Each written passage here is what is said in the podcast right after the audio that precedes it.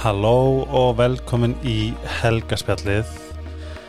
Hvað ákvæði spenntu fyrir gesti dagsins en áður en við förum uh, kynast henni þá var Ice Herbs eða Katrín og Toppa Marnos en Katrín er konun á bakvið Ice Herbs að gefa út skemmtlegt samstarf sem heitir Litabombur en um að ræða hreinarjörtir í hilkjum sem er sagt fjóri mísunandi litir í dollu og hægt er náttúrulega að opna hilkin eða bara taka það inn. En í þessu eru brjálaslega litrik og kröftu svona náttúrulega litrefni sem hægt er að nota í kökukrem eða pop eða drikkina eða morguskáluna baðvatnið eða pönnukökur sem ég finnst mjög áhugavert. En uh, um er að ræða uh, til dæmis eins og turmerikduft rauðrófuduft, kveitigras og bláa spyrlinu með hækkandi hýta, djöður heitt úti og sól, þá mæl ég alltaf með að eiga astasatin inn í skáp. Einhvern veginn endist það lengur en öll önnur hérna skal ég segja um, hvað er þetta nú?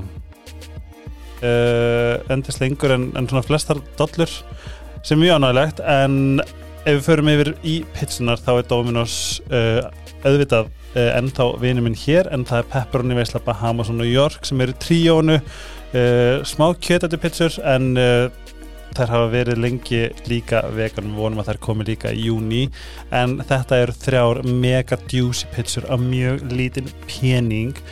En uh, við veitum líka að, magnesium er mjög mikilvægt fyrir okkur til þess að við halda allt af hennu góða í líkamun okkar og nýta hluti eins og að fara í heitan pott eða í langt bað sem svona form of self-care.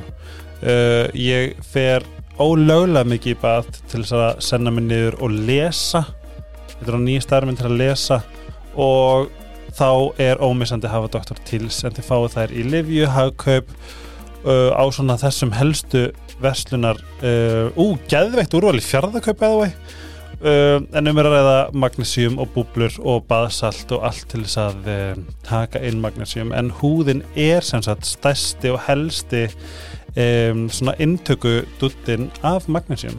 Mjög áhugavert.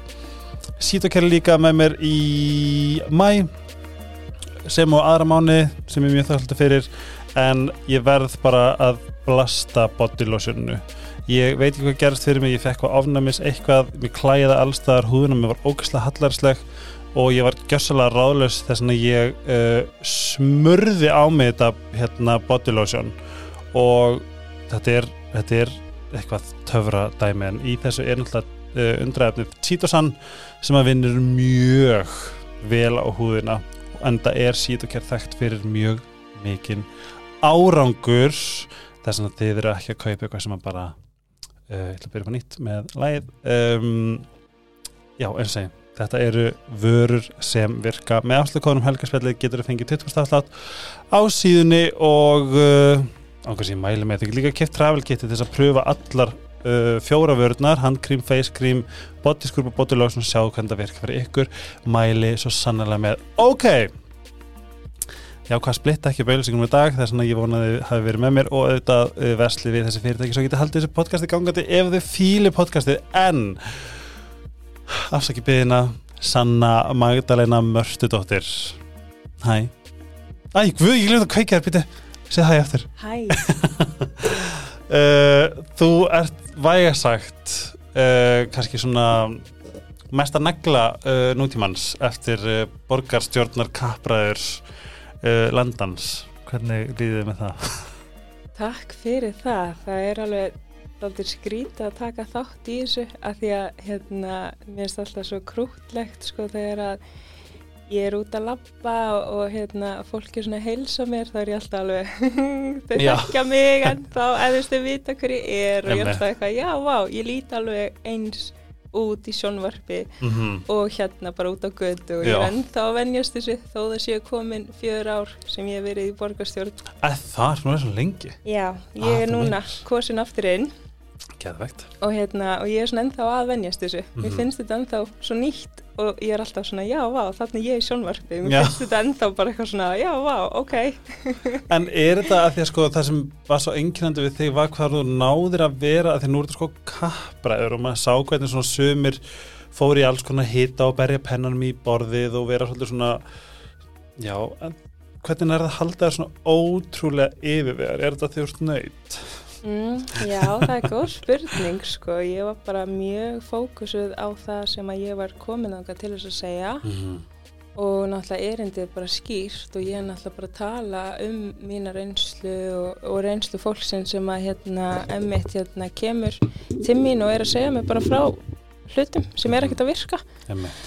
Þannig að hérna það er svona einhvern veginn erindið sem ég fer með inn í hennar sal Mhm. En svo stundum hef ég alveg líka bara labbað inn og sagt það sem ég þurfti að segja og svo bara svona labbað út og, og átta með því að ég hef stundum bara svona sónat aldrei út einhvern veginn. Það, en er það ekki líka að það er svo það er svo fín lína á, af hvaða ásetning þú ert að lappin í kappræður Mhm. þú veist, ert að gera þetta að koma með tínum þú veist, skilabóðum að stefna á framfæri ú, jésus, kam klæður, almatur hérna, eða ertu að lappa inn til þess að fara að innan gæslappa, þú veist, rífast Emmitt. Sína hverju mynd stærra teppi, Já.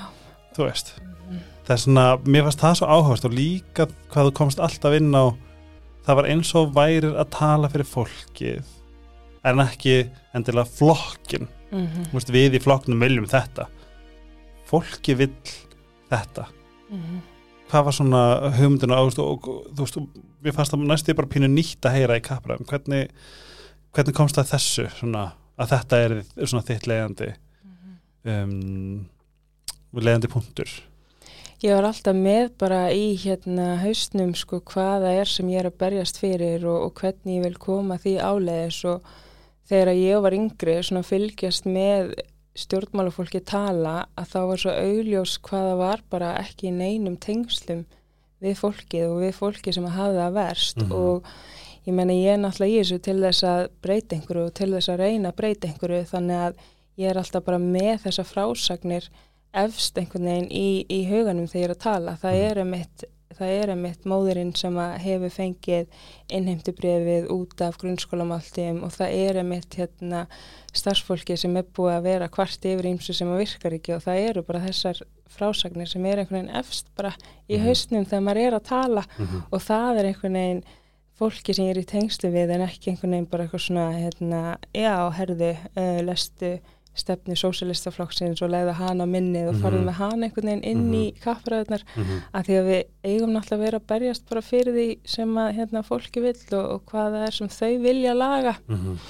og svo einhverjum tímapunkti að þá bara svona komst ég bara í hérna svo mikið tengst bara við hérna litlu sönnu og ég var alveg farin að skjálfa þarna tímapunkti og hugsaði bara uff, ok, nú þarf ég aðeins kannski að fara að róa röttina því það heyris kannski hérna bara í beinni hvað ég er brjáluð af því að ég man ekki sko hver spurningin var en það var eitthvað að vera að tala um að það hafi aldrei verið gert betur í húsnæðismálum eða eitthvað Mhm. svoleiðis en það er einmitt svo mikilvægt að við séum ekki að skilja neitt eftir og Mhm. borgin þarf að gera svo miklu betur Mhm. Þannig ég er alltaf bara að tala um þessa reynslu og hvað það er sem þarf að laga Mhm. og það er fókuspunktur minn. Getur þú hugsaðar af borgastöru? Já. Pælt hvað það fyrir cool Mm án gríms en ef við förum aðeins einmitt í litlu sönnu hvaðan ertu og varstu brjálaður krakki? Ég var mjög róleg, mjög hlýðin og bara of hlýðin, sko. Ég, hérna, ég lærði að halda inn í mér hyggsta svo það myndi ekki heyrast þegar ég væri að hyggsta upphátt þegar ég var í pössun hjá ömmu. Ég er úr bregðaltinu Mm. en ég hef búið við það. Um, mamma og pappi kynna sem sagt út í London. Mm. Mamma hún fyrir í förðunarnám til Englands og hérna og fóreldra mín er kynnast þar og, og hérna pappi minn hann er frá Tansaní í Afrika og hann er eitthvað svona bóða hérna bóðskap Hare Kristna út á götu. Hare Kristna Það er eitthvað trú. ok, Ég veit ekkit meir. Og hérna, og mamma fyrir eitthvað að spjalla við hann um hérna, um, um Jésu Krist og, og hérna þau kynnast. var þetta bara bókstall út á götu hefur Já. hana Ég held ég þurfa að spyrja hana aftur og hérna, og já, þetta er allan að sagan eins og ég man hana, Mhm. en hérna, ég vona hún verði ekki hérna fyrir út í mig fyrir að vera að segja þetta hérna í nei. en hún elskar mig sama hvað. En já, þau hérna kynnast og, og hann hérna frelsast og frelsast, Hann við að hann fer yfir í kristni Já, Já. Hann hefur sagt verið, hann er edru núna að ég best veit en ég hef ekki talað við hann í mörg ár. mm. Þetta hefur verið bara svona erfið samskipti í gegnum Mhm. tíðina og hérna eftir því sem ég hef verið eldri að þá hef ég komið staði að, að hann verist vera edru en ekki bata. ah. Hann hefur aldrei komið til Íslands og já, ég hérna verð til og mamma kemur til Íslands, ég fæðist hér. þau, bú, þau kynnast úti og búa svo saman úti Já, mamma kemur sem sagt hingað Mhm. til Íslands og ég fæðist og stuttu setna þegar ég nokkra vikna þá fer hún með mig út til Englands mm. og við komum ekki heim fyrir en ég sjöra, Nei, 99. hvar bygguðu? Við vorum í London, ég veit ekki nákvæmlega Já, hvar. Ok. Og hérna ég var byrjaði skóla fjárara út í London. Það er þá bresku þjóttalega sko. Já, Aha, já, ég var með svona hreim. inni, koppa inni. Og hérna kom, við komum heim jóli 99 Mhm. og þá fór ég í nýbúðadild því ég talaði ekki íslensku. Það, nýbúða deilt Já, það var að kalla það fyrir sem sagt útlendu bönnin. Breiðaldi Það var hátiskóli. mm. Þegar við fluttum sagt til ömmu og sambílismanns hennar og ég byrjaði hátiskóla Mm. og við komum heim 19. des 99 og ég var mjög fljótt að læra íslensku Mm. og hérna ég man að frendi minn og fjölskyldan þau voru alltaf að hlæja að því ég sagði sko Þorkálsmessa en þá hef ég verið bara nokkra daga að ná örugglega Já. helstu orðunum sko. Pældi hvað börn eru miklu svampar þegar kemur að, að hérna tungumálum. Emmitt Veistu, Ein vinkonum mín er hún, þess að maður er handballumæður og hafa fylgst með barninu og tala þísku yfir í frönsku, yfir í dönsku, yfir í sænsku. Þetta er vilt að við varum með þennan eigi líka þú veist en segðu mér, svo ertu en þessi svona um, að ekki hyggsta og það, veist, var þetta bara einhvers konar bara persónuleika einkenni eða var eitthvað svona var eitthvað bak við það?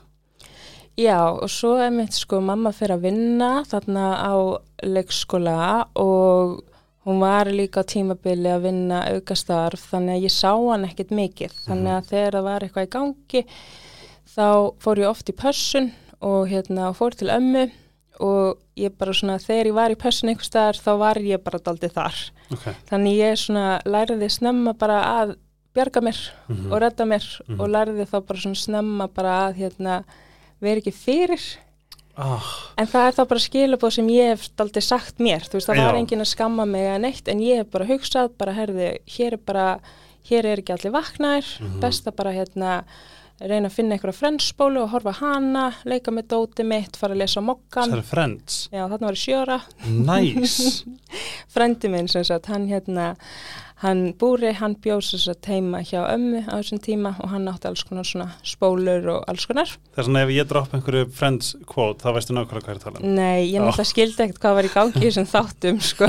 Ég var bara eitthvað sjöra, eitthvað, hm, á ég að fara að lesa á mokkan. já, Svo þegar ég hugsa tilbaka, þá náttúrulega ætti ekkert sjöra barn að vera eitthvað svona að tippla tánum og vera róleg, ég meina. Mhm.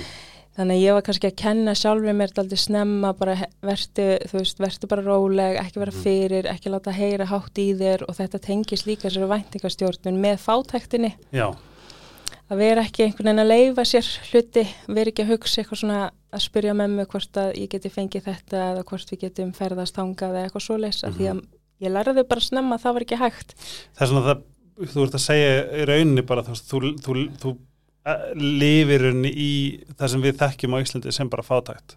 Já, ah, wow. Þess að það var einmitt ekkert bíl í ferm, nei, talva í fermingagjó og bíl þegar þú ert átján og eitthvað svona. En er það ekki, er það samt ekki líka um, mátturinn í því sem þú ert að gera í dag? Ég er náttúrulega næ að tengja við. Mm -hmm. já, ég veit hvernig það er að, að hérna, hafa ekki borðað í langan tíma út af fátækt og að fara með mömmu í maðurastisnefnd og að hjóla með flöskur Til að fá- klink fyrir flöskur til að reyna að kaupa eitthvað og að leita klinki til að reyna að kaupa eitthvað. Þannig ég þekki þetta alveg. Vá, þetta var alveg þar. Mm. En er, það er þetta ekki svolítið glemdur hulinn partur af íslenski menningu? Jú, það er rosalega mikið talað um að það sé nú ekki fátækt á Íslandi og, og það er meira einhvern veginn talað um það sko já það er alveg hópur sem er blankur og svona Mhm. getur ekki verið að leifa sér hluti en það er um eitt hópur sem bara er ekki að borða síðustu daga mánaðarins sem Vá. er bara á ekki fyrir neinu og þarf að mynda að leita á mat bara hjá einhverjum stopnunum eða er að láta hlutin að rúla áfram einhvern veginn þannig sko ég get reyndar votta fyrir það að núna er ég þú veist sjálfstæður og einn og allt það og vinn eins og hestur og er með fullt af verkefnum og gera óslega mikið shit, hvað er að það sem ég skil ekki hvernig ég, ég, ég ástundi til bara svona vá, hvernig tekst fólki þetta? Þú veist, ég er alveg hund. Mm þú veist, og því ég er að einhvern æ, skilur, veist, þetta er svona og ég hef það mjög gott þú veist, ég er í algjörði forréttinda stöðu í rauninni því sem ég er að gera en ef að ég er að strakla stundum, veist, kom mánuð sem ég bara uff, fokkin hel maður. Um, þá veit ég að það eru margir sem er ekki að fá uh, x mikið penning fyrir podcast eða Instagram post eða hvað svo sem maður er að gera. Hvað, hvað helduru að það sé bara líka til þess að varpa smá ljósi á fátt í Íslandi, hvaða hópar eru þetta, þú veist, eru til dæmis venjuleg hvað er þetta meðalaun á Íslandi -hmm. eru þau hreinlega bara ekki nóg Mm -hmm. er þetta einstæð mæður eða einstæður hundapappar eins og ég Mhm. Það hefur um eitt verið talað um á ennsku heitir þetta working poor þetta er fólk sem að þetta er manneskjur sem er að vinna og eiga samt ekki efni Mhm. á helstu nöðsynjum mm -hmm. og það er þá helst þessar lálunastjættir en svo er líka stór hópur sem er eins og þá í rauninni bara svona laun að tjekka frá því að þetta er fátækt ég meina Mhm. eins og emmitt ef að þú myndir ekki fá verkefni í tvo mánu Mhm. hvernig væri þá staðan Mhm. hjá þér þú veist þetta er svona fólki sem að kannski sannfæri sig um bara já ég hefði alveg fínt það en það er búið að vera einhvern veginn í þessari sömu stöðu bara mánuð eftir mánuð eftir mánuð Mhm. á yfirdrættinum mm að byggja um lán einhvern veginn ekki með pening Mhm. getur ekki látið börnin æfa neitt -hmm. en þetta er helst sko einstæðir fóreldrar, Mhm. öryrkjar sem eru í helstu hættunni Mhm. á búið fátækt og félagslega einangrun -hmm. og svo eru náttúrulega hópar eins og sem eru að fá fjárhásastóð -hmm. frá sveitafjölum sem er mjög lág upphæð -hmm. og já, og svo þessi vinnandi fátækt, fólk sem er að vinna en er samt í fátækt er, er sattirinu meðalaun á Íslandi mm. þú ert ekki til dæmis mentaður eru þau til dæmis bara point blank ekki nóg Þessi legstilaun eru bara alls ekki nóg og svo líka kemur inn í að þú ert að leia og þess kannski að borga þú veist 70% bara já, Af- tekjuninum í leigu. ég er að lega Þetta er bara rosalegt. bara fucking my ass dry Mm -hmm, mm það er svona, þú veist, það er ótrúlega skrítið að, að hérna að hugsa til þess einhvern veginn að, að maður, veist, hvernig maður lega fyrir þú veist, og eitthvað svona en, en þú veist, maður er einhvern veginn bara, þú veist maður þarf bara einhvern veginn að taka því sátt að það er, allavega, ég, þú veist svona, að, svona er þetta bara innan gæslappa, eitthvað svona -hmm. En hvernig svona, hvaða, hvaða úrræði eru í rauninni? Af því að það er henni, þú veist, tilöksunin að, að, þú veist, eru ekki úrræði sem að eru basically, þú veist, eins og bara með leikskólakennara. Mm -hmm. Þú veist, núna, það verður aldrei verið skýrara hvað þetta er mikilvægt starf og það þyrfti náttúrulega að vera, þú veist, það þarf að vera kvartning fyrir leikskólakennara að geta unnið þarna til þess að geta lifa, þú veist, einhverju eðlu Mhm. lífi fjárháslega en er það, er ekki staðan svo að það er endilega ekkert staðan Mm -hmm.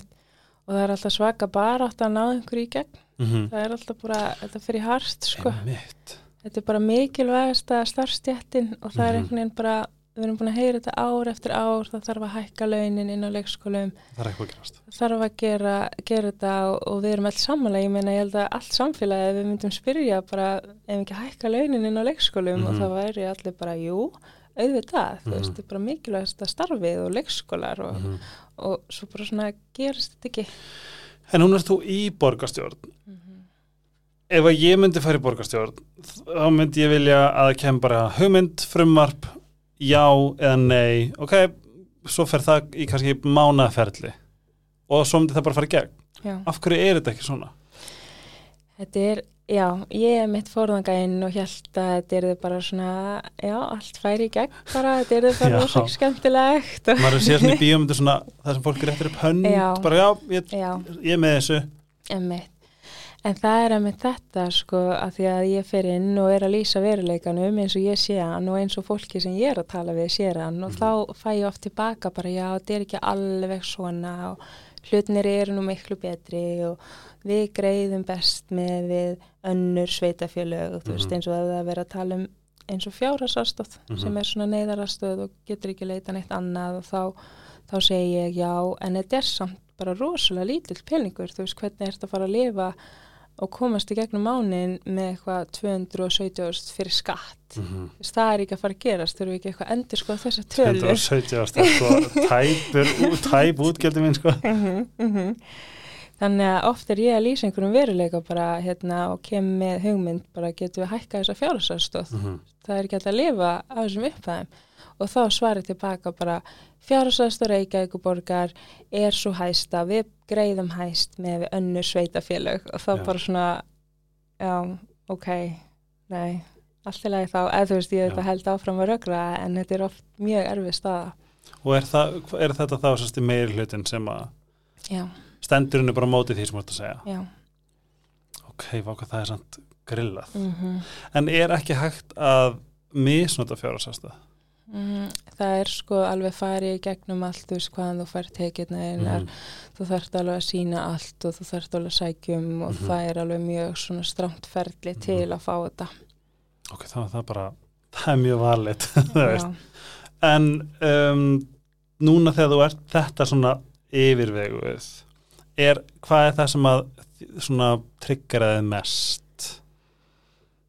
Það er þegar það er verið að tala um að það hafi borgin hafi verið að byggja svo mikið húsnæði og það Mhm. gangi bara svo rosalega vel og ég er bara að fara að gráta sko.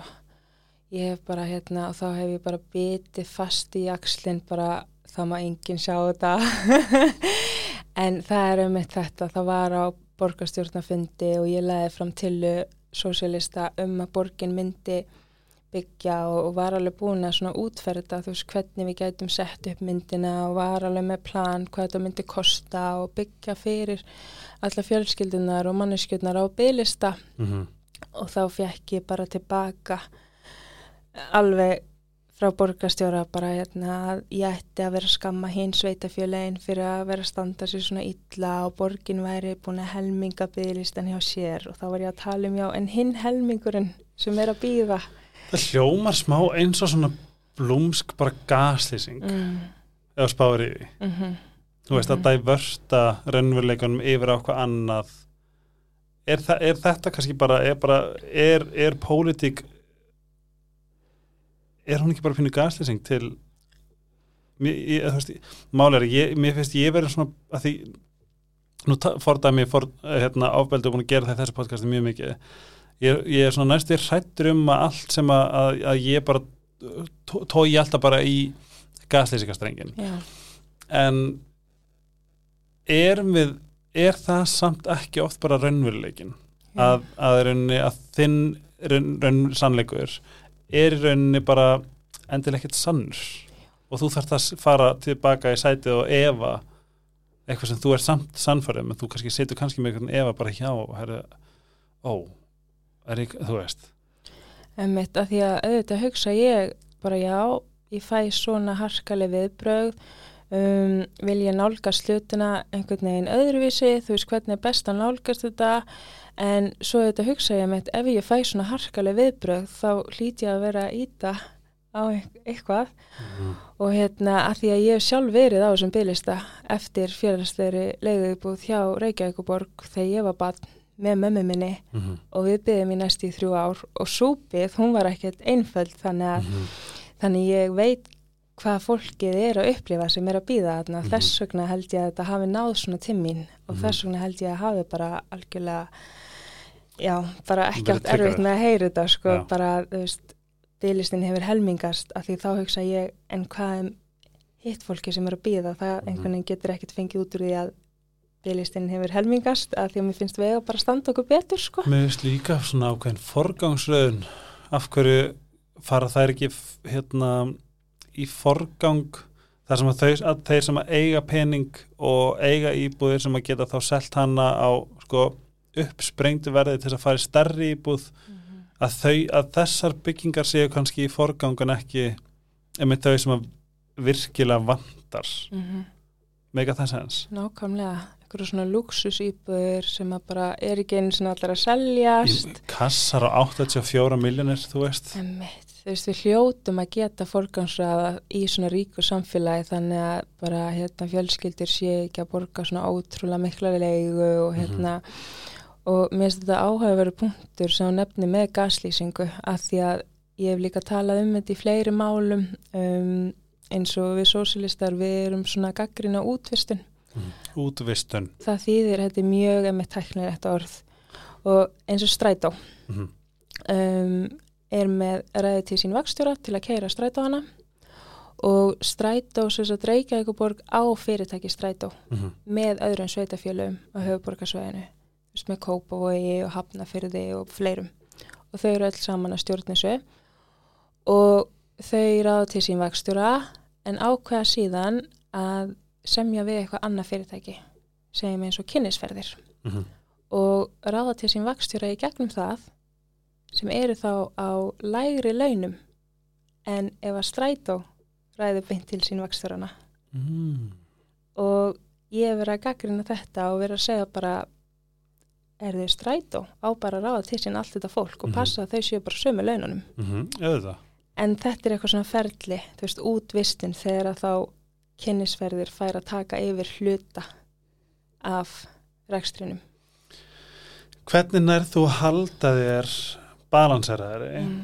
balanseraðri er það rétt í mér? Mm balanced balanced um, í einhverju sem að hljómar svolítið skýrt eins og spilling. Mm hvernig nærði það, ha- þú veist, það langar aldrei bara að taka upp hvíta fánan og bara, veistu, fuck it, ég að Mhm. kennari. -hmm. sko þú ert þetta nöyð, þú ert með þrjósk ekki satt? Jú, ég hérna, já, ég reyna að minna sjálfa mig reglulega á að bara anda, það er svo oft sem við bara gleymum að bara hérna loka augunum, Mhm. bara í svona 20 sekundur bara og anda djúft, bara Mhm. anda djúft það er svona fyrsta og hérna og fyrir nokkrum mánuðum þá var ég alveg að fríka út, ég man ekki hvað það var en ég er svona almennt bara frekar yfirveguð en stundum verði ég alveg mjög reið þegar ég kem heim til mín á fundum Mhm. og það var eitthvað, ég var alveg bara mjög hérna ekki á, á góðum stað og hérna og ég fór að rifja upp sko ég fór að rifja upp ímislegt sem ég hefði lært að því að um, mamma mín hún var ofta að fá kvíðaköst og ég hef aldrei fengið kvíðaköst Mhm. en það er bara mjög alvarlegt og þá svona upplifir upplifir manneskjan eins og hún sé bara að deyja hef ég Mhm. heyrt og hérna og, og þá svona hérna lærði ég mitt að, að það getur verið gott að reyna að finna sko nokkra hluti í kringu þess sem þú getur snert nokkra hluti sem þú getur heyrt í Mm. nokkra hluti sem þú getur þú veist talið upp hvað er í kringum þig, ég sé borð, ég sé stól. En þetta er að maður er komin alveg í eitthvað mjög mikið panik og þarf alveg að þetta. sig. Já, en þarna var ég bara ekki á góðum stað og hefði kannski þurft að taka mér eitt kvíldadag tekur þig kvilda það já, nei, eða þú veist ég, það er mjög langt sem ég tekið svona heilan kvíldadag hvernig líður eftir núna bara, segjum bara á sunnudaginn, mándaginn Hvern, Mm. hvernig lítið þeir út? um, Sérst þér tala um sunnudag, mándag eftir borgastyrjarkastingarnar Þetta er búið að vera bara emmitt hérna í rauninni engin svona kvíld, við erum búin að heyra bara fjölmiðlar er alltaf að ringja og spyrja hver staðan sé og hérna ég er búin að fara í útvarsviðtöl og, og hérna þannig þetta í rauninni er svona non-stop dæmi. En þá? Já, Ah. og núna tekum við bara annað tímabil að reyna að búið til einhvern meiri hluta þannig að þetta er svona einhvern veginn við erum alltaf límt við síman en stundum hérna hef ég um, þegar ég var að byrja þessu að þá stundum á kvöldin þá bara sett ég síman á dúnatti störp í Mhm. hálftíma fór í göngtúr, Hálftíma? hálftíma Girl. heilan, Wow, það er þú. Áttu hund. Nei, Ég mæli með að þér hund. já, Það er nefnilega gæðilif. já En um, ef við, tvent, við þurfum að fara yfir tvent. Mm. Númer eitt, hvernig dastu inn í þetta? Af því að þú sagði sjálf áður en við byrjuðum að, að þín uh, plani var endlegt að fara í stjórnmál og já, byrjum þar, svo skrifa ég neina spurningu svo ég glemdi ekki Emmett, ég hérna var í mannfræðinámi og um, í háskólanum. Í háskólanum HÍ, er mannfræðingur og Emmett ekki vön að tala svona fyrir fram á fólki. Mann þegar við áttum að kynna eitthvað verkefni í mannfræði og þetta eru minnsta deildin í HÍ og svona sex í bekknum og áttum að kynna eitthvað verkefni og hjarta mitt bara dug, dug, dug, dug, ég, get ekki gert þetta. Og hérna en svo var ég að tala um mína upplifun að fátækt ákvað að skrifa bara hérna status á Facebook í november 2016 minnum að það hafa verið, já. Og ég bara var mjög hreinskilinn með þetta og hérna skrifaði bara hérna hvernig ég hafi upplifað þetta að búa hjá einstæður móður sem að var að vinna fullu, lálunastarfi hjá Reykjavík og Borgarleikskóla og bara hvernig það er að, að lifa þannig þegar þú átt aldrei pening út mánuðin þó að mamma henn sé bara kaupa helstu nöðsinjar Mm -hmm. og bara ekki einu sinni það sko. Um, og svona já hvernig þessi reynsla var og ég hef alltaf notað svona hú, húmórin, verið með húmórin af vopni og var eitthvað svona grínast eitthvað svona með hvernig hérna um, uppþvóttalögur getur virkað sem sápa og styrstusápa og, og klósettpappir, ég meina hver þar klósettpappir, dagblöður og ókipis skeinipappir og eitthvað Já. svona og bara eitthvað fyndin. En þetta var alveg líka daldið svona, ég var alveg að segja mitt hérna um, verstafællu er að vera svangur og það er þessi væntingastjórnun þú byrja bara mjög snemma Mhm. að neyta þér um hluti þú ert ekki að spyrja Mhm.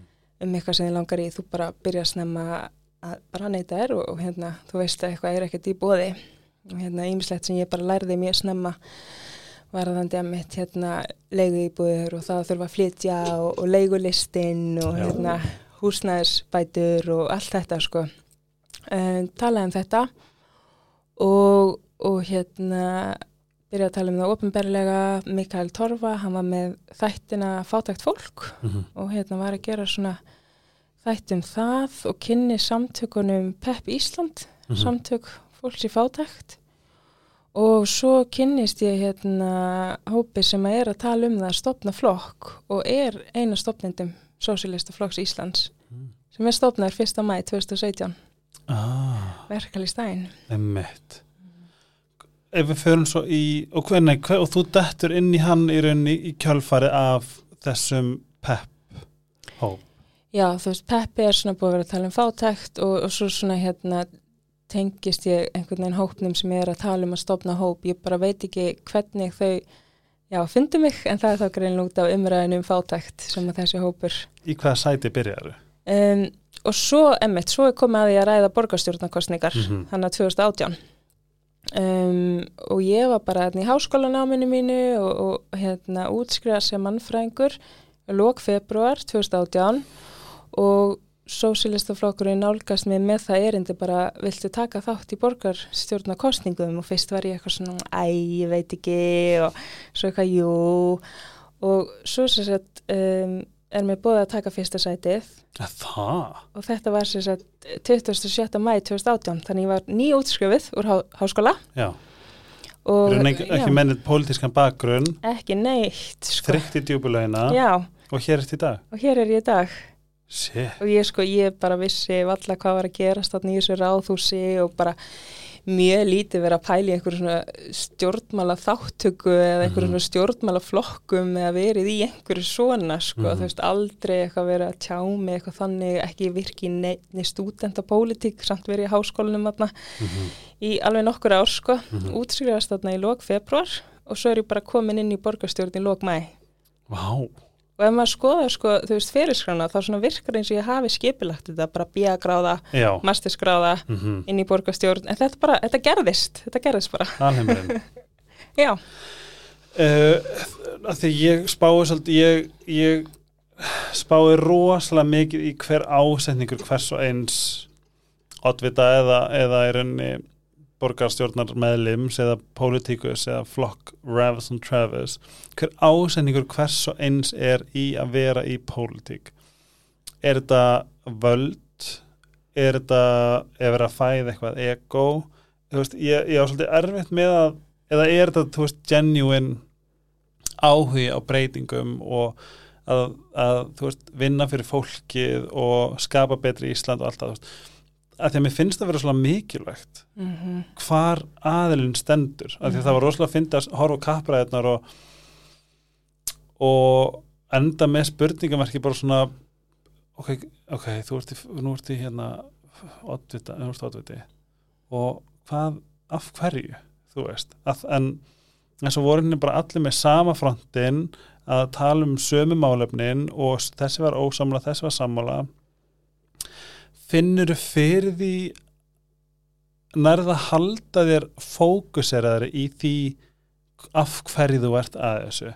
Og skiluru af hverju uh, pólitíkusar gætu farið út af brautinni yfir í að vera einhvers konar um, hlutverk sem að sem það sem við fá bílstjóra og góð laun og bla bla bla Mm -hmm. þú veist Mm -hmm. Ég næ að halda mér fókusæri út af því ég er einmitt í bara reglulegu samtali veist, við fólk, ég er að heyra bara í einmitt manneskjum allstaðar að og það svona heldur mér ég er alltaf einmitt með eitt fótinn svona út úr áþúsinu, það er Mhm. það sem ég hef sagt mm -hmm. að því að ég held að sé rosalega auðvelt að sko gleyma markmiðinu ef maður er einhvern veginn sko komin inn bara með góð laun, Mhm. með sína íbúð og þú veist ég er bara rosalega hrætt um að það gerist að ég gleymi bara hvaðan ég kem Mhm. ég bara hef það gott, ég get Mhm. alltaf borga leigunum mín á réttum Mhm. tíma þú veist ég þarf ekki lengur að mitt að vera að taka út af vísakortinu mínu 50 skall til að leggja inn á almennan bókalösa reikning til að geta millifært inn á leiguna að því ég á Mhm. ekki fyrir allri leigunni en alltaf samt að reyna að borga helmingin til þess að vextinir, dráttavextinir verði ekki svakalegir þegar ég borgi ekki leiguna skilju, þú veist maður kann öll þessi treyks en hérna ég er bara rosalega hrætt um að þetta gerist að ég bara aftengist ef að ég veit hvernig það er að geta átt pening út Einmitt. allan mánuðin fyrir mat og þarf ekki lengur að taka netgjur og smálán eða beða einhvern um lán eða eitthvað svoleið sko Mhm.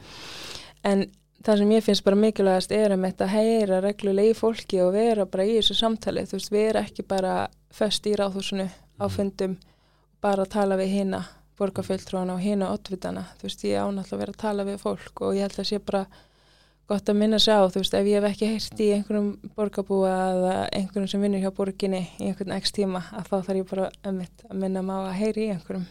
Þetta er svo áhugavert að heyra þetta að því að maður, er ekki, þú veist, maður getur ekki vitið en maður sé í nákvæmlega þessar aðstöðu.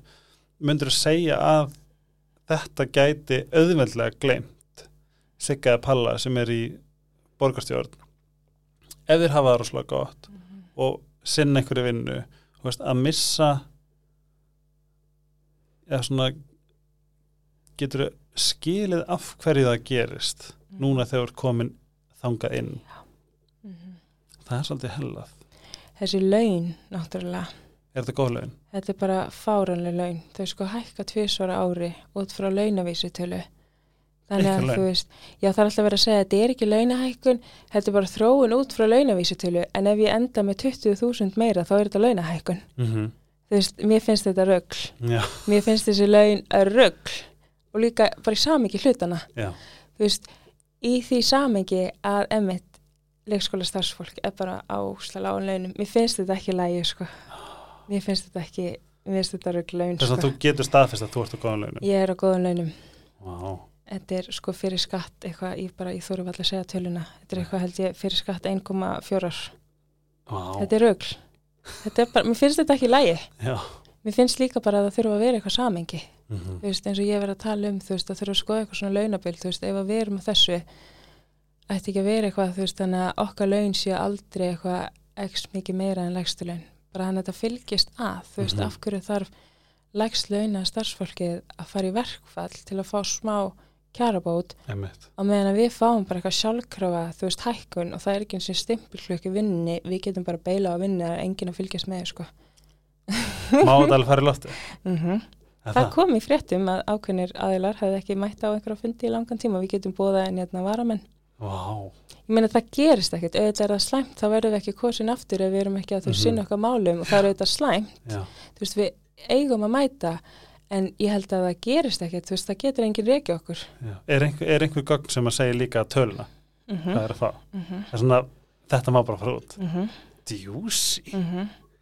Þetta er alveg, þetta er alveg rétt. Það er svona, það er maður svona skilur alveg sérstaklega eins og bara með hvað, hvað er mikill vandi innan hérna leikskóla geiran frá Íslandi og veist, ekki myndi ég vinna fyrir þessu legin, Mhm. skilur Mhm. eins, eins mikil, og, mikilvægt, eins brjálast að mikilvægt og þetta starf er þú veist Vá, magna. Girl, you dropped some tea. Og líka þess að fyndi, ég held að vera að tala um íbúðarnar þegar þú tókst mækin og einhver í af oddvitunum sagði bara wow bara, þú veist, það er ekki bara að droppa mæknum núna? Mannst þetta því? Já, það er MBL, þátt að stjórnandinn held ég. Ég held það, þetta er alltaf að koma á TikTok, þetta var Facebook Mhm. og þetta var svolítið magna mm en eh, finnst ég raunhæft að við náum fram breytingu sem að stjórnmálamenn þóra að tala og vera eins berskjaldar um raunveruleikan og þú ert. Finnst ég raunhæft að það gerist í næstu kostningum eða eða eitthvað svoleiðis? Sko, eða eigum við bara 20, 30, 40, 50, 60 ár þá ætla þetta fyrir raun að hreyfast. Ég meina, við þurfum náttúrulega að halda áfram og mér finnst alveg hafa verið breyting, mér finnst alveg eins og fleiri sé að tala svona mjög opinskátt um hlutina. Þú veist, þegar ég var yngri þá einhvern veginn var ekki talað svona um fátækt, þetta var einhvern veginn bara eitthvað shh, ekki tala um þetta eitthvað en núna finnst mér eins og það sé meira talað um þetta, þetta sé meira upp á yfirbúrðinu og, hérna það sem að mannskjur er að stiga fram og bara já, já ekki pening, svona er þetta veist. þetta Þannig að- fylgir alltaf skam að, að segja þetta Mm. En mér finnst þess að fleiri séu bara svona að skila skömminni. Bara þetta er ekki mín skömm, þú veist, skömmin er stjórnvalda, já, já ekki pening, getur einhver hjálpa mér, þú veist, ég er sér status á Facebook, bara já ekki pening, getur Já. einhver hjálpa mér, ég þarf að leysa út lifin. Þannig ég held að ef við höldum þessu áfram, Mhm. bara hérna, skila skömminni, ég skrifaði þetta á hann frjáls í sannleikunum. Já, þú, minnst það enginn eða svolítið. Og sérstaklega þú talar um um, þú talar náttúrulega fyrir eins og rasisma líka og að þú hafir upplegað fátækt. Finnst þér það að þú hafir tekið tappan úr einhverju svona internal skömm og hafi bara fannst, fannst þér þú frelsast við það? Að geta að tala svona rosalega opinskátt um þetta bara eins og það væri í mig kvef. Já.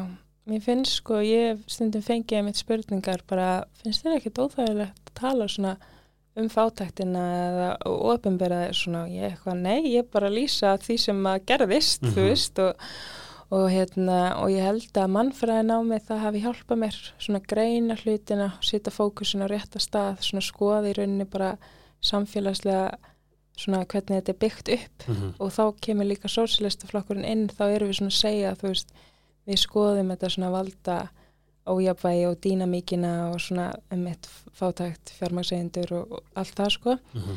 En mér finnst samt það skrítið, mér finnst samt erfiðara að tala um rasismann inn í borgarstjórn mm. frekar en sko fátæktina og ég var um eitt að tala um rasismann áður en ég byrjaði borgarstjórn og var alveg oft að tala um þetta bara svona pallbórsumra, málþingi og svona búðunum að koma að tala eitthvað, Mhm. sko en það er eitthvað varðandi rasismann sem að ég veit ekki, það er eins og mér finnst eitthvað erfitt að tala um það í borgarstjórn. Ég veit Mhm. ekki af hverju, af hverju það er. En almennt að tala með rasma bara svo ég og þú núna. Já, þú veist, ef ég bara spyrir þú veist, þú veist finn upplifuru rasisma bæði á Íslandi og í borgarstjórn? Um, ég hef ekki upplifað rasisma í borgarstjórn en ég hef heyrt sko eins og þegar ég er að tala um hérna mm, hvítan millistjættan feminisma og hvernig hann hefur ráðið. hvítur millist þetta feminismi Ég er að koma bara með öll hugtöki núna. Ó, nei, ég er nú í bara, I'm intrigued. Ég var svo að gaggrina hvernig Reykjavíkuborg hefur verið að greiða lægslauna starfsfólkinu sínu og setti þetta í samengi við hvítan millistjættan feminisma mm. hvernig þarfir hvítra, hvenna Mm. í millistjætt, hvernig rauninni þessi nálgun hefur verið alls ráðandi í samfélaginu. ah, þess að þú þú, ert að, þú tala mér henni uh, oh, hvað er það, Mi, mismunun milli réttundum kvenna út frá uh, bakgrunni Já, þegar það er einhvern veginn um, eins og Ísland, það hefur oft verið liti á Ísland sem bara algjör að jafnbrettis paradís, bara svo Mhm. gott að vera kona eðna, og þú Mhm. veist, það er alveg satt að einhverju leiti en það er ekki gott að vera kona eða þú ert fátæk. Mm. Veist, það er bara ömulegt, það var ekki gott að vera mamma mín hérna þegar hún Já. var að reyna að borða sko. og það er einhvern veginn sko litið fram hjá þörfum fátækara kvenna og feminismin sem hefur verið alls ráðandi hefur ekki verið að líta á fátæka konur og leifa þeim að vera með í þessu jafnbrettispartíi ah. og fátækakonur eru skildar eftir brúnakonur eru skildar eftir og það er einhvern veginn svona, já, herðu, við teklum fátæktina sko setna, en ég menna það er feminist mál, ef þú ætlar að hjálpa öllum konum og stiðja allar konur Já, þá býður við fátækum konum með í í þetta, þú veist. stóra myndin. Mm og ég gaggrindi þetta og fæ að heyra sko tilbaka feminismi hvorki hvítur nýja svartir. En er, er, það, er það staðan? Nei, er það ekki staðan? þetta var bara mjög sérkennilegt svona svar, síni kannski hvað margir borgarfjöldrur þurfa bara aðeins að fræða sig. Einmitt, að þegar við erum að tala um nú erum við að tala um feminismi er feminismi um konur óháð bakgrunni og húð lit Já, og stjætt, þetta án alltaf að vera fyrir okkur öll, öll sem eru jáðsett Einmitt, vá, góður punktur. Mm og e, nú er ég bara að spá bara, nú er ég pottitt segur, ég er bara ekki spáð í þessu. Þú veist, þetta er bara svona það sem að, það sem að maður veist ég sko mjög stoltur feminist en ekki lengur, eða skilur, nú var svona hei, þannig að það er ekki að level up núna í, í feminismanu mínum, Við heldum áfram að læra, við erum alltaf að læra eitthvað. En er þetta ekki alveg verðt að tala um? algjörlega, Aha, sérstaklega á Íslandi. Mér finnst það hafa verið að batna en þú veist, þegar það er einhvern veginn bara eitthvað ó, við erum svo feminísk og svo einhvern veginn svona, þú veist, byrja ég að tala um rasisma og hvernig mér finnst feminismin ekki hafa haldið utan um okkur brúnu konurnar og þá einhvern veginn svona viðbröðin bara, já, rasism er eitthvað sér. Já, það hefur áhrif á mig sem konu. Það að einhverju kallar sér að grípi hárið mitt og hérna tala um þeir hafa aldrei sofið hjá einhverju svartri og með þessar exotískar hugmyndir, þú veist, það er feminist málefni sem feminismin þarf að tækla. Þú veist, þú getur ekki Ah, aðskilið þetta. Þú veist, ég er ekki brún manneskja stundum og stundum kona, þú veist, ég er brún kona. Já, ú, þetta er bomba. Mm. ég vil, I wanna talk more about this. Mm en förum aðeins út í bara dökk, dökk kona -hmm. um, finnuru finnuru eitthvað um, er eitthvað í íslensku samfélagi sem, sem til dæmis gerir meðvita um að sérst dekkren við hinn en að gæslepa Já, í gegnum tíðina allar þessar spurningar hvaðan ertu, Mhm. ertu ættleit, Já. er þetta mamma þín Já. Vá hvað að tala góða íslensku, uh, þú hlýtur að hafa, að vera svo duglega að læra tungumálið og emmitt, sko, hvaðan ertu? Uh, Mhm. Íslandi? Já, en hvaðan ertu? Já. Brjáldi? mm -hmm. Já, nei, hvaðan? Leginu úr mömmu minni? Nei, Já. hvaðan ertu í alvörunni? Hérðan?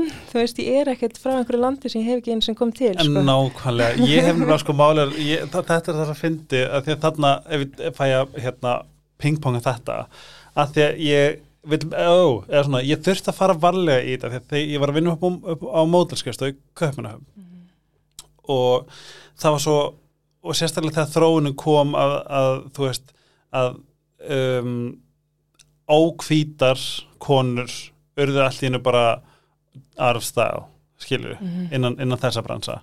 Og í Danmark, Danmark er það svo dásanlega mixt þú bara, það, það, er, það er svo magnað að bara eitthvað svona wow. þú veist, og þá verði ég svo ógislega forvitin, hún bara, ég er frá Karabi, Karabíska hafinu og hérna svo er ég, þú veist, hálf tælensk. Og þá fæ ég bara svona, wow mixið, nice, og ég er alltaf svona að tala um að ég sé svona, það er svo fokkin leilt að vera bara, þú veist, white guy skilur það er svo, það er svona mér finnst svo ótrúlega áhugavert bara svona hvaðan kemur þetta mix. Mhm. en þá þarf, þurfti ég alltaf að passa mig. Þú veist, aldrei spyrja til dæmis hvaðan ertu. Þú Mhm. veist, ég veit að það er bara no-go. Það er svona, ég hef, ég hef reynd að navigata mig hvernig ég segi þetta, Mhm. til dæmis hvar færðu, svona fína lit. Mhm. hvaðan kemur hann, ég veit ekki svona hvort að það sé rétt af því maður þarf að fara svo valli í þetta. En ég finn samt hvað ég er ógæðslega forvitin. Mhm. en getur maður sagt uh, þú veist eins og nú segir þú veist pappan, pappin er frá London mm, mammainn er hvít íslensk kona. Mm, veist, hvað þægilega ég segi þú veist, hvað hann er pappin mm, já, hann er frá Tansaníu mér finnst það mitt betra bara, þú veist, pappi minn er frá Tansaníu mm Mhm. ég er bara íslensk hvernig væri góð leið, nú er ég bara að Mhm. spyrja fyrir sjálf mig, að ég var bara svona ertu, ertu veist, maður veit ekki að því ég er svo innilega fórutin og það kemur frá, Mhm. þú veist, mm frá genuine bara svona, vá hvað þú ert -hmm.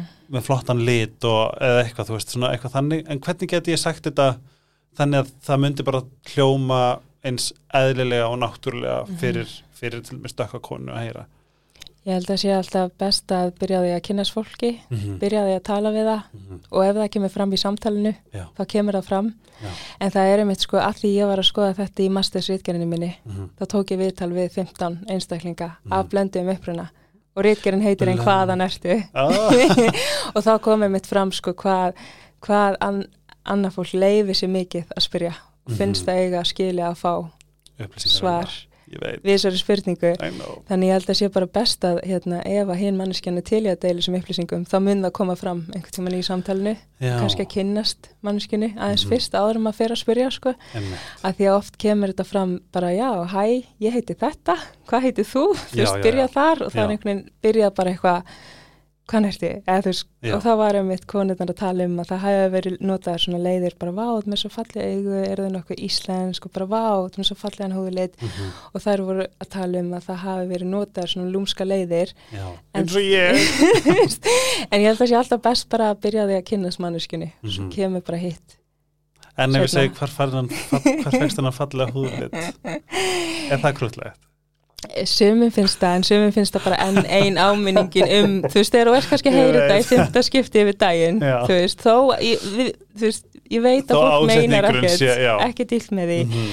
en stundin getur þetta verið alveg aldrei svona þreytandi þegar þetta er kannski, þú veist, fymta spurningin og maður er bara að reyna að komast í gegnum daginn og það er svona, Já, já, ég, ég, er, ég er in, I'm taking it in En það er bara, ég held að sé bara Mhm. frá mínu perspektífi að Mhm. vera bara just another fucking white guy Þá er maður bara svona, ó, var, hvað var fínan gildan húðlit, hvað fegst hann eitthvað svona já, En, þú veist, Mhm. það, þetta er mjög gott að vita því að Mhm. maður er líka hrættur, úst, að því að maður myndi, mað, þetta er það sem við viljum líka mm, uh, hvernig ger ég, hvernig Mhm. ger ég þetta rétt mm algjörlega, þú veist, að því að mm þú veist, það er mjög krullt bara svona, ert þú svona já, svona, ert þú meira hrifnar af hinu kyninu eða hinu kyninu, bara svona, ert að spyrja hvert sé hommi?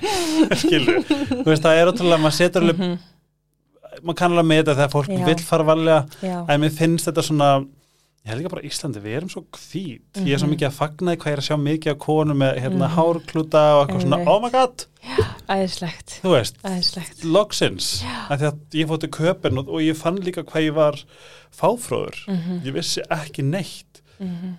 bara þegar ég fór upp í nöru bara, bara ég þegar hún er með svona hún er með svona fyrir hárinu, hvað því þetta? Mm sem ég leynast bara sem var eitthvað massbúi. Þú veist. en svona ég fagna því mjög mikið. En pappin frá Tansaníu. Þess vegna er þetta með svona fallan húðlit þú fegst hann ekki bara frá, frá mm íslensku hvítumóðinni var eitthvað svona blandað þarna. já, ég, já ég, svona, ég hef líka sagt bara svona, ó, hvort heppinu var koktel þá erstu miklu sætar við hinn. Ég er svona vil vinna það líka. En ok, sagði ég eitthvað vittlust Nei, nei, ok, þetta er líka bara nálgunin, þetta er bara hvernig fólk nálgast þetta. já, Þú veist, það, maður heyrir, þú veist, að fólk meinar ekki, að þú meinar, þú veist, það er að, emmitt, það er ekki að meina neitt illt, þú veist, þetta er, ég las um daginn að félagi deildi mynda mér já, á Facebook og svo sá ég komment undir og það stóð hérna um, engan ykkara ég sá það bara. Ég hef ekki neitt. Núna? Svona harkalegt, þetta var, Núna? já, þetta var í kostningabarátunni fyrir nokkrum vikum. Enga, og ég bara, mér líður bara illa segja þetta orð, sko. Ég hef ekki séð svona, ég hef ekki séð neitt svona harkalegt, sko hvernig, hvernig hvað hva fór í hvað hva fór í gegnum hausunar þú, og sástu þetta sjálf? Ég sá þetta á Facebook, þú ítti bara á view comments og ég var bara að skrolla á Facebook og sá hérna, já, þannig er vinið mín að deila hérna mynda mér, Já. bara var skemmtilegt. Já. og hérna og svo sá ég bara undir komment bara engan yngra og ég eitthvað já, emmitt svo var ég, hugsaði, bara herri, ég ætla að taka screenshot af þessu, ég ætla að posta þessu. Mm og blerra yfir nafni hjá manninum. Or not. Og svo deildi ég þessu og öll kommentin undir voru eiginlega bara, byrju af hverju ertu að blörra nafnið?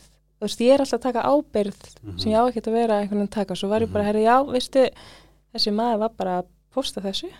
Fyrir alla til að sjá. Þannig ég hérna setti bara upp haflega screenshotið Mhm. og fólk að sé þetta. Og ég meina það er ekki mitt að venda annað fólk sem að Mhm. lætur svona út úr sér.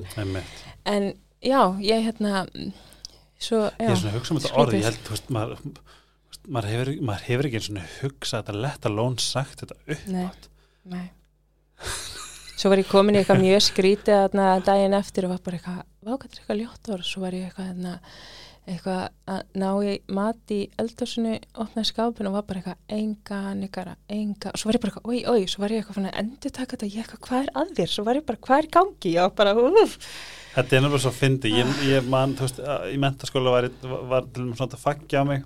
Oi, og hérna, og maður er heyrt þetta, þá náttúrulega ég fór í eitthvað svona, eitthvað faggi og ég eitthvað svona, no shit, mm, mm, eitthvað svona, þetta er bara svo, þú veist, þetta er svo fyndið. ræðilegt En þetta er samt að það sem ég veikinu samt alveg og ég veit hvort það sé pólitíst inkorrekt að það var samt svo ógeðslega gott, góð tilfinning óháð því þú veist, þú ert íslensk og punktur, það var samt eitthvað fallegt við að sjá uh, fleiri konur mm og svo dökka konur, Já, ég samla, eða það ekki? Veist, og ég vil bara helst líka veist, ég vil bara svona, þú veist, maður vil heyra rattir til þess bara íslenska kvenna. Mm Þú veist, í Danmörku var svo gaman að sjá þetta versatility að það var það var eitthvað svona celebrational á bakviða, -hmm. þú veist nákvæmlega. Og óna það þá ónaður kappræðina en langaði ekki sem þú verið eitthvað svona hei hei, ert að fokkin djóka stundum þegar þau voru öll að tala saman í kór ég var næstu bara eitthvað þeir eru öll nóg gömul til þess að vera fóreldra mínir nenni ég bara einn í einu. Já. ég var næstu komin á það stíð ég var bara einn í einu, nota inniröttina við heyrum öll, en Já. ekki þeir eru tali svona öll í kross, bara please. Emmi, það var líka sem áhörandi var maður líka komin í svona hei hei hei, hei wow wow wow, bara uh, nenni að chilla. Emmitt. hvernig finnst þér hérna svona stefna þú veist, í rauninni bara þessi stefna sem var mjög ábyrjandi í, í þessu veist, fyrir ykkur sem að kannski voru ekki að horfa þú veist, borgarlína, leikskóla bla bla bla. Uh, þín forgarsöðun og ég hértanlega sammáli er einmitt að tækla hitt strax og svo hægt er þetta að byggja fyrir hérna, þú veist, garbæingafóreldurna sem eru búin að sapna 80, einhverjum 20 miljónum í útborgum fyrir 80 miljónum kríbúð hérna, fyrir börnin sín þegar þau eru komin í háskóla veist, það er bara frábært fyrir þau veist, það, það, er, það er það, bara flottið þeim Mhm. en er þetta, er þetta, þetta er ekki kaka sem er bara ein heil kaka fyrir þig og ekkert fyrir Einmitt. er ekki hægt að um, í rauninni finna er ekki hægt að, er ekki hægt að sagt, hvert er að fara með þetta? Er ekki hægt að taka veist, fara í eitt og hitt og hitt á þess að eitthvað sé skili eftir eða ertu kannski meira að hugsa kýlum bara þetta? Það er alveg hægt að forgangsraða og þú veist eins og ég hef verið að segja þó að borgarlína sé kynnt eftir einhver ár þá þurfum við að byrja að laga stræta núna. Þú veist það er til dæmis það sem ég tala núna. Mm -hmm. og einhver sem að mér varst hann æði, flokkur lífsins eða eitthvað. Flokkur fólksins. Nei, nei, flokkur, uh, hann var svona gráhærður, Já. gett sætur já, svona viðkunnulega gaur. Miðflokkurinn. Eitthvað svona betri borg já, það var já, hann. já, já, já, sem var að tala um flugvöllin börst og nei, það var ekki byggt. hann, nei, það- var svona hávaksin ábyrg framtíð. Já, var að það tala ekki um verið. eitthvað svona við eða eitthvað. Svo margir flokkar. Ég veit það, það er líka frustrerandi og sumir með sömu stefnu og sumir ekki, er ekki bara það einhvern veginn kol, kollapa þetta í. Ömmitt. um, mann, getur hann getur hann leifur En, hann, hann var, ég held að hann hafi verið hliðin á pírata. Já, svona hávaksin. já, Það er ábyrg framtíð. já, hann, Já. varst hann til dæmis koma mjög mikið óvart. Já. Veist, hann var með eitthvað aðra stefnu sem var áhugavert að hlusta á. Mhm, og með lausnir Mhm. og með skýra sín mhm, að meðan til dæmis sjálfstæðarflokkur bara hvað, kannski. Mhm. við sjáum, enna, mögulega en kannski ekki, en kannski. Þú veist, sem var ekkert haldbært. En það var svolítið gaman að ég vissi ekkert hvað, hvað flokkur þessi var. Mm. og ég kynnist sóslistum er, er þetta Er þetta bara sóslistaflokkurinn eða ungir sóslistar? þetta er sósilistaflokkurinn Ok. ég er bara svo ung. Þú er svo ógislega ung og ég líka. Það breytta ára meðlaka um, Mér fannst það rosalega gaman já, að hann var bara með eitthvað allt annað. Já, og svo sem miðflokkurinn líka þú veist, er ekki að fara að kjósa þá? Mm -mm. um, og ok, það, það er satt, svo er eftir fjögur ár ekki Já. satt og hvað sérðu fyrir þér næstu fjögur árin Mhm. og þarf ekki svolítið að inkludera því að það sem mér fannst svo mikilvægt er að, að nú er búið að kjósa um, og svo næstu fjögur árin eru þið bara bakur loka dyr að vinna Einmitt. e, þurfum við ekki að fá meiri upplýsingaflæði um hvað er í gangi og hvernig getum við gert það? Ójú, eins og varst að tala um sko hvort að við viljum bara eh, slá allt út á borðinu og bara tryggja þess að grunn þarfir, þú veist það er hægt að gera bæði, það þú veist það er hægt að bara forgansraða rétt og Mhm. leggja stið borðið og skoða bara hvaðan fáum við tekjurnar okkar, hvað er nöysinlegt, hvað Mhm. getur beðið, bara hvernig ætlum við að forgansraða og einmitt tryggja þess að grunn þarfir og hérna og skoða bara veist hverjar þær eru, ef við erum að mæta um öllum, mm -hmm. hvað þurfum við að laga, Mm -hmm. hvernig getum við gert það, vera með þetta bara alltaf skýrt, þú veist og það er einmitt bara hérna að við séum bara öll, veist að ná på þetta borð út mánin og með örutt hús og skjól og þetta og líka bara eins og allar þessar kappræðir, þetta er bara korti fyrir kostningar, þú veist, hafa bara eitthvað svona miklu oftar. Bara, þú veist. miklu oftar? hvernig gengur að innleiða þessa stefni þið töluðum að vilja gera þetta, hvernig gengur það? Og kannski eitthvað svona í beinni línu þú veist, íbúar geta hringt inn, bara herri ég með þessa spurningu, Mhm. þið segist alltaf að laga þetta, þú veist, Mhm. það hefur ekki verið gert. Bara eitthvað svona bein lína, þú veist heyri í fólki og hérna og líka kannski, þú veist, með til að skapa sátt og tröst, af því að ég, ég hef talað mjög mikið um mitt að mér finnst þessu svo ég komið aftur á launamálunum, Mhm. að mér finnst það bara fárunlega hátt Mhm. og ég meina það kannski býr ekki til eitthvað svaka peningasjóð að lækka launin hjá okkur öllum en það væri samt eitthvað, þú veist, það væri að gera eitthvað, Já, þú veist, lækka okkur um smá 100 skilur, statement. eitthvað, 200 eitthvað, þú veist, við erum eitt bara eitthvað herði, við ætlum bara aðeins að koma niður á jörðina Mhm. bara aðeins, af því að það er í takt við þessi gildi hvað er það að gera á Mhm. Af hverju er það að fara í borgarstjórn, ég meina vá, sorry maður. Ég vona þetta Hvað? heyrst ekki. Að hérna, við erum að drekka koffín var lett síst en hérna, þú veist, eins og að sjá bara eitthvað svona einstæðlingar sem koma frá fjölmiðlum eða ég, ég myndi bara bjóða mig fram. Mhm.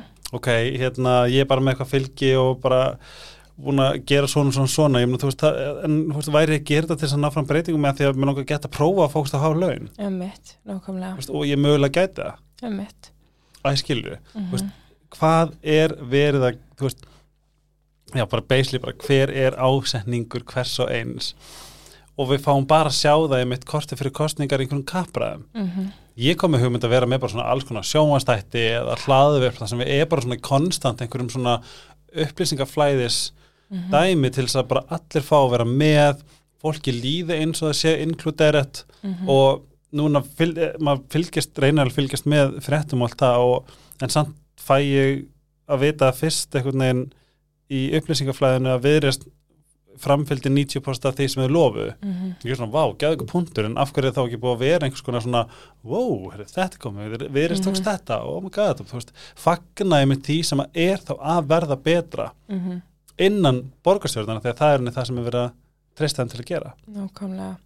Og þetta væri kannski fundir eins og það væri þá fundir með grunnskólakennurunum, bara Já. haldnir inn í skólanum, fundir með bara hérna, skólasamfélaginu, bara Mhm. mm. fóruldrum leikskóla, batna bara í þessu hverfi og Mhm. við ættum bara að mæta, þá væri Mhm. bara, herði, hvað viljið þið spyrja okkur um, hvað eigum við að fókusa á, eitthvað svoleiðis. Emmett Eigum við ekki fara að gera það við hvað Mhm. tölum við Mm Það Á er bara að að hringja í alla. Já, endilega, Ég ætla að sömu laun á þig nákvæmlega. Nei, nei, ég veit ekki, ég ætla að hugsa það bara, mér finnst ógislega skrítið að, að núna verður komið með eitthvað svona áhuga á þessu Mhm. og að horfa á aðeila ekki brosa og þekkja þið ekki og það er ekkert mál að setja sér fronti í 45 minna kappræður eða tvekja tíma kappræður klára það og hvað svo? Emmett. Hvað hvaða manneski hefur að geima, ég getur vel verið sætur að flottur og gett fínum fötum það getur Mhm. vel verið, mm þú veist en þetta er svolítið svona pínu það sem ég er að spá -hmm. til þess að geti verið eitthvað svona,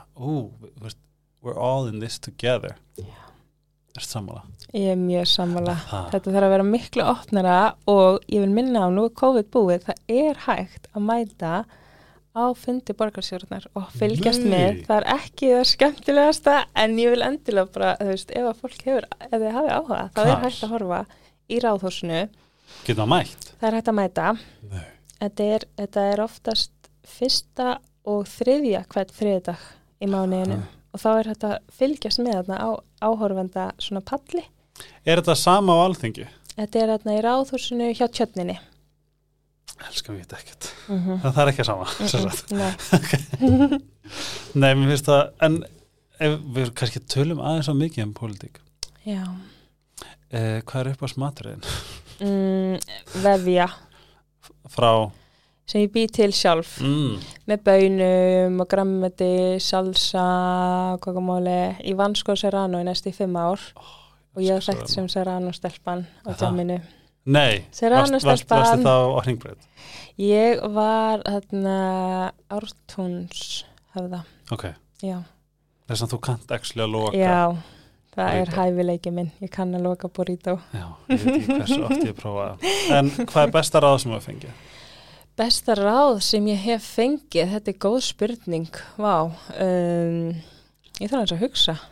Hvað er, hvað er þetta binge-watch? Hefur tíma til að binge-watcha? Já, það er bara besta kvíld, sko. Er það ekki? Það er samt mjög langt sem ég binge watcha eitthvað.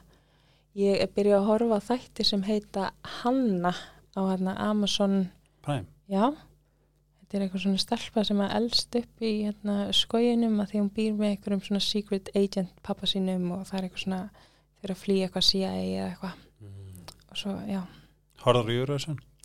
nei, Horfur áður á Eurovision? nei.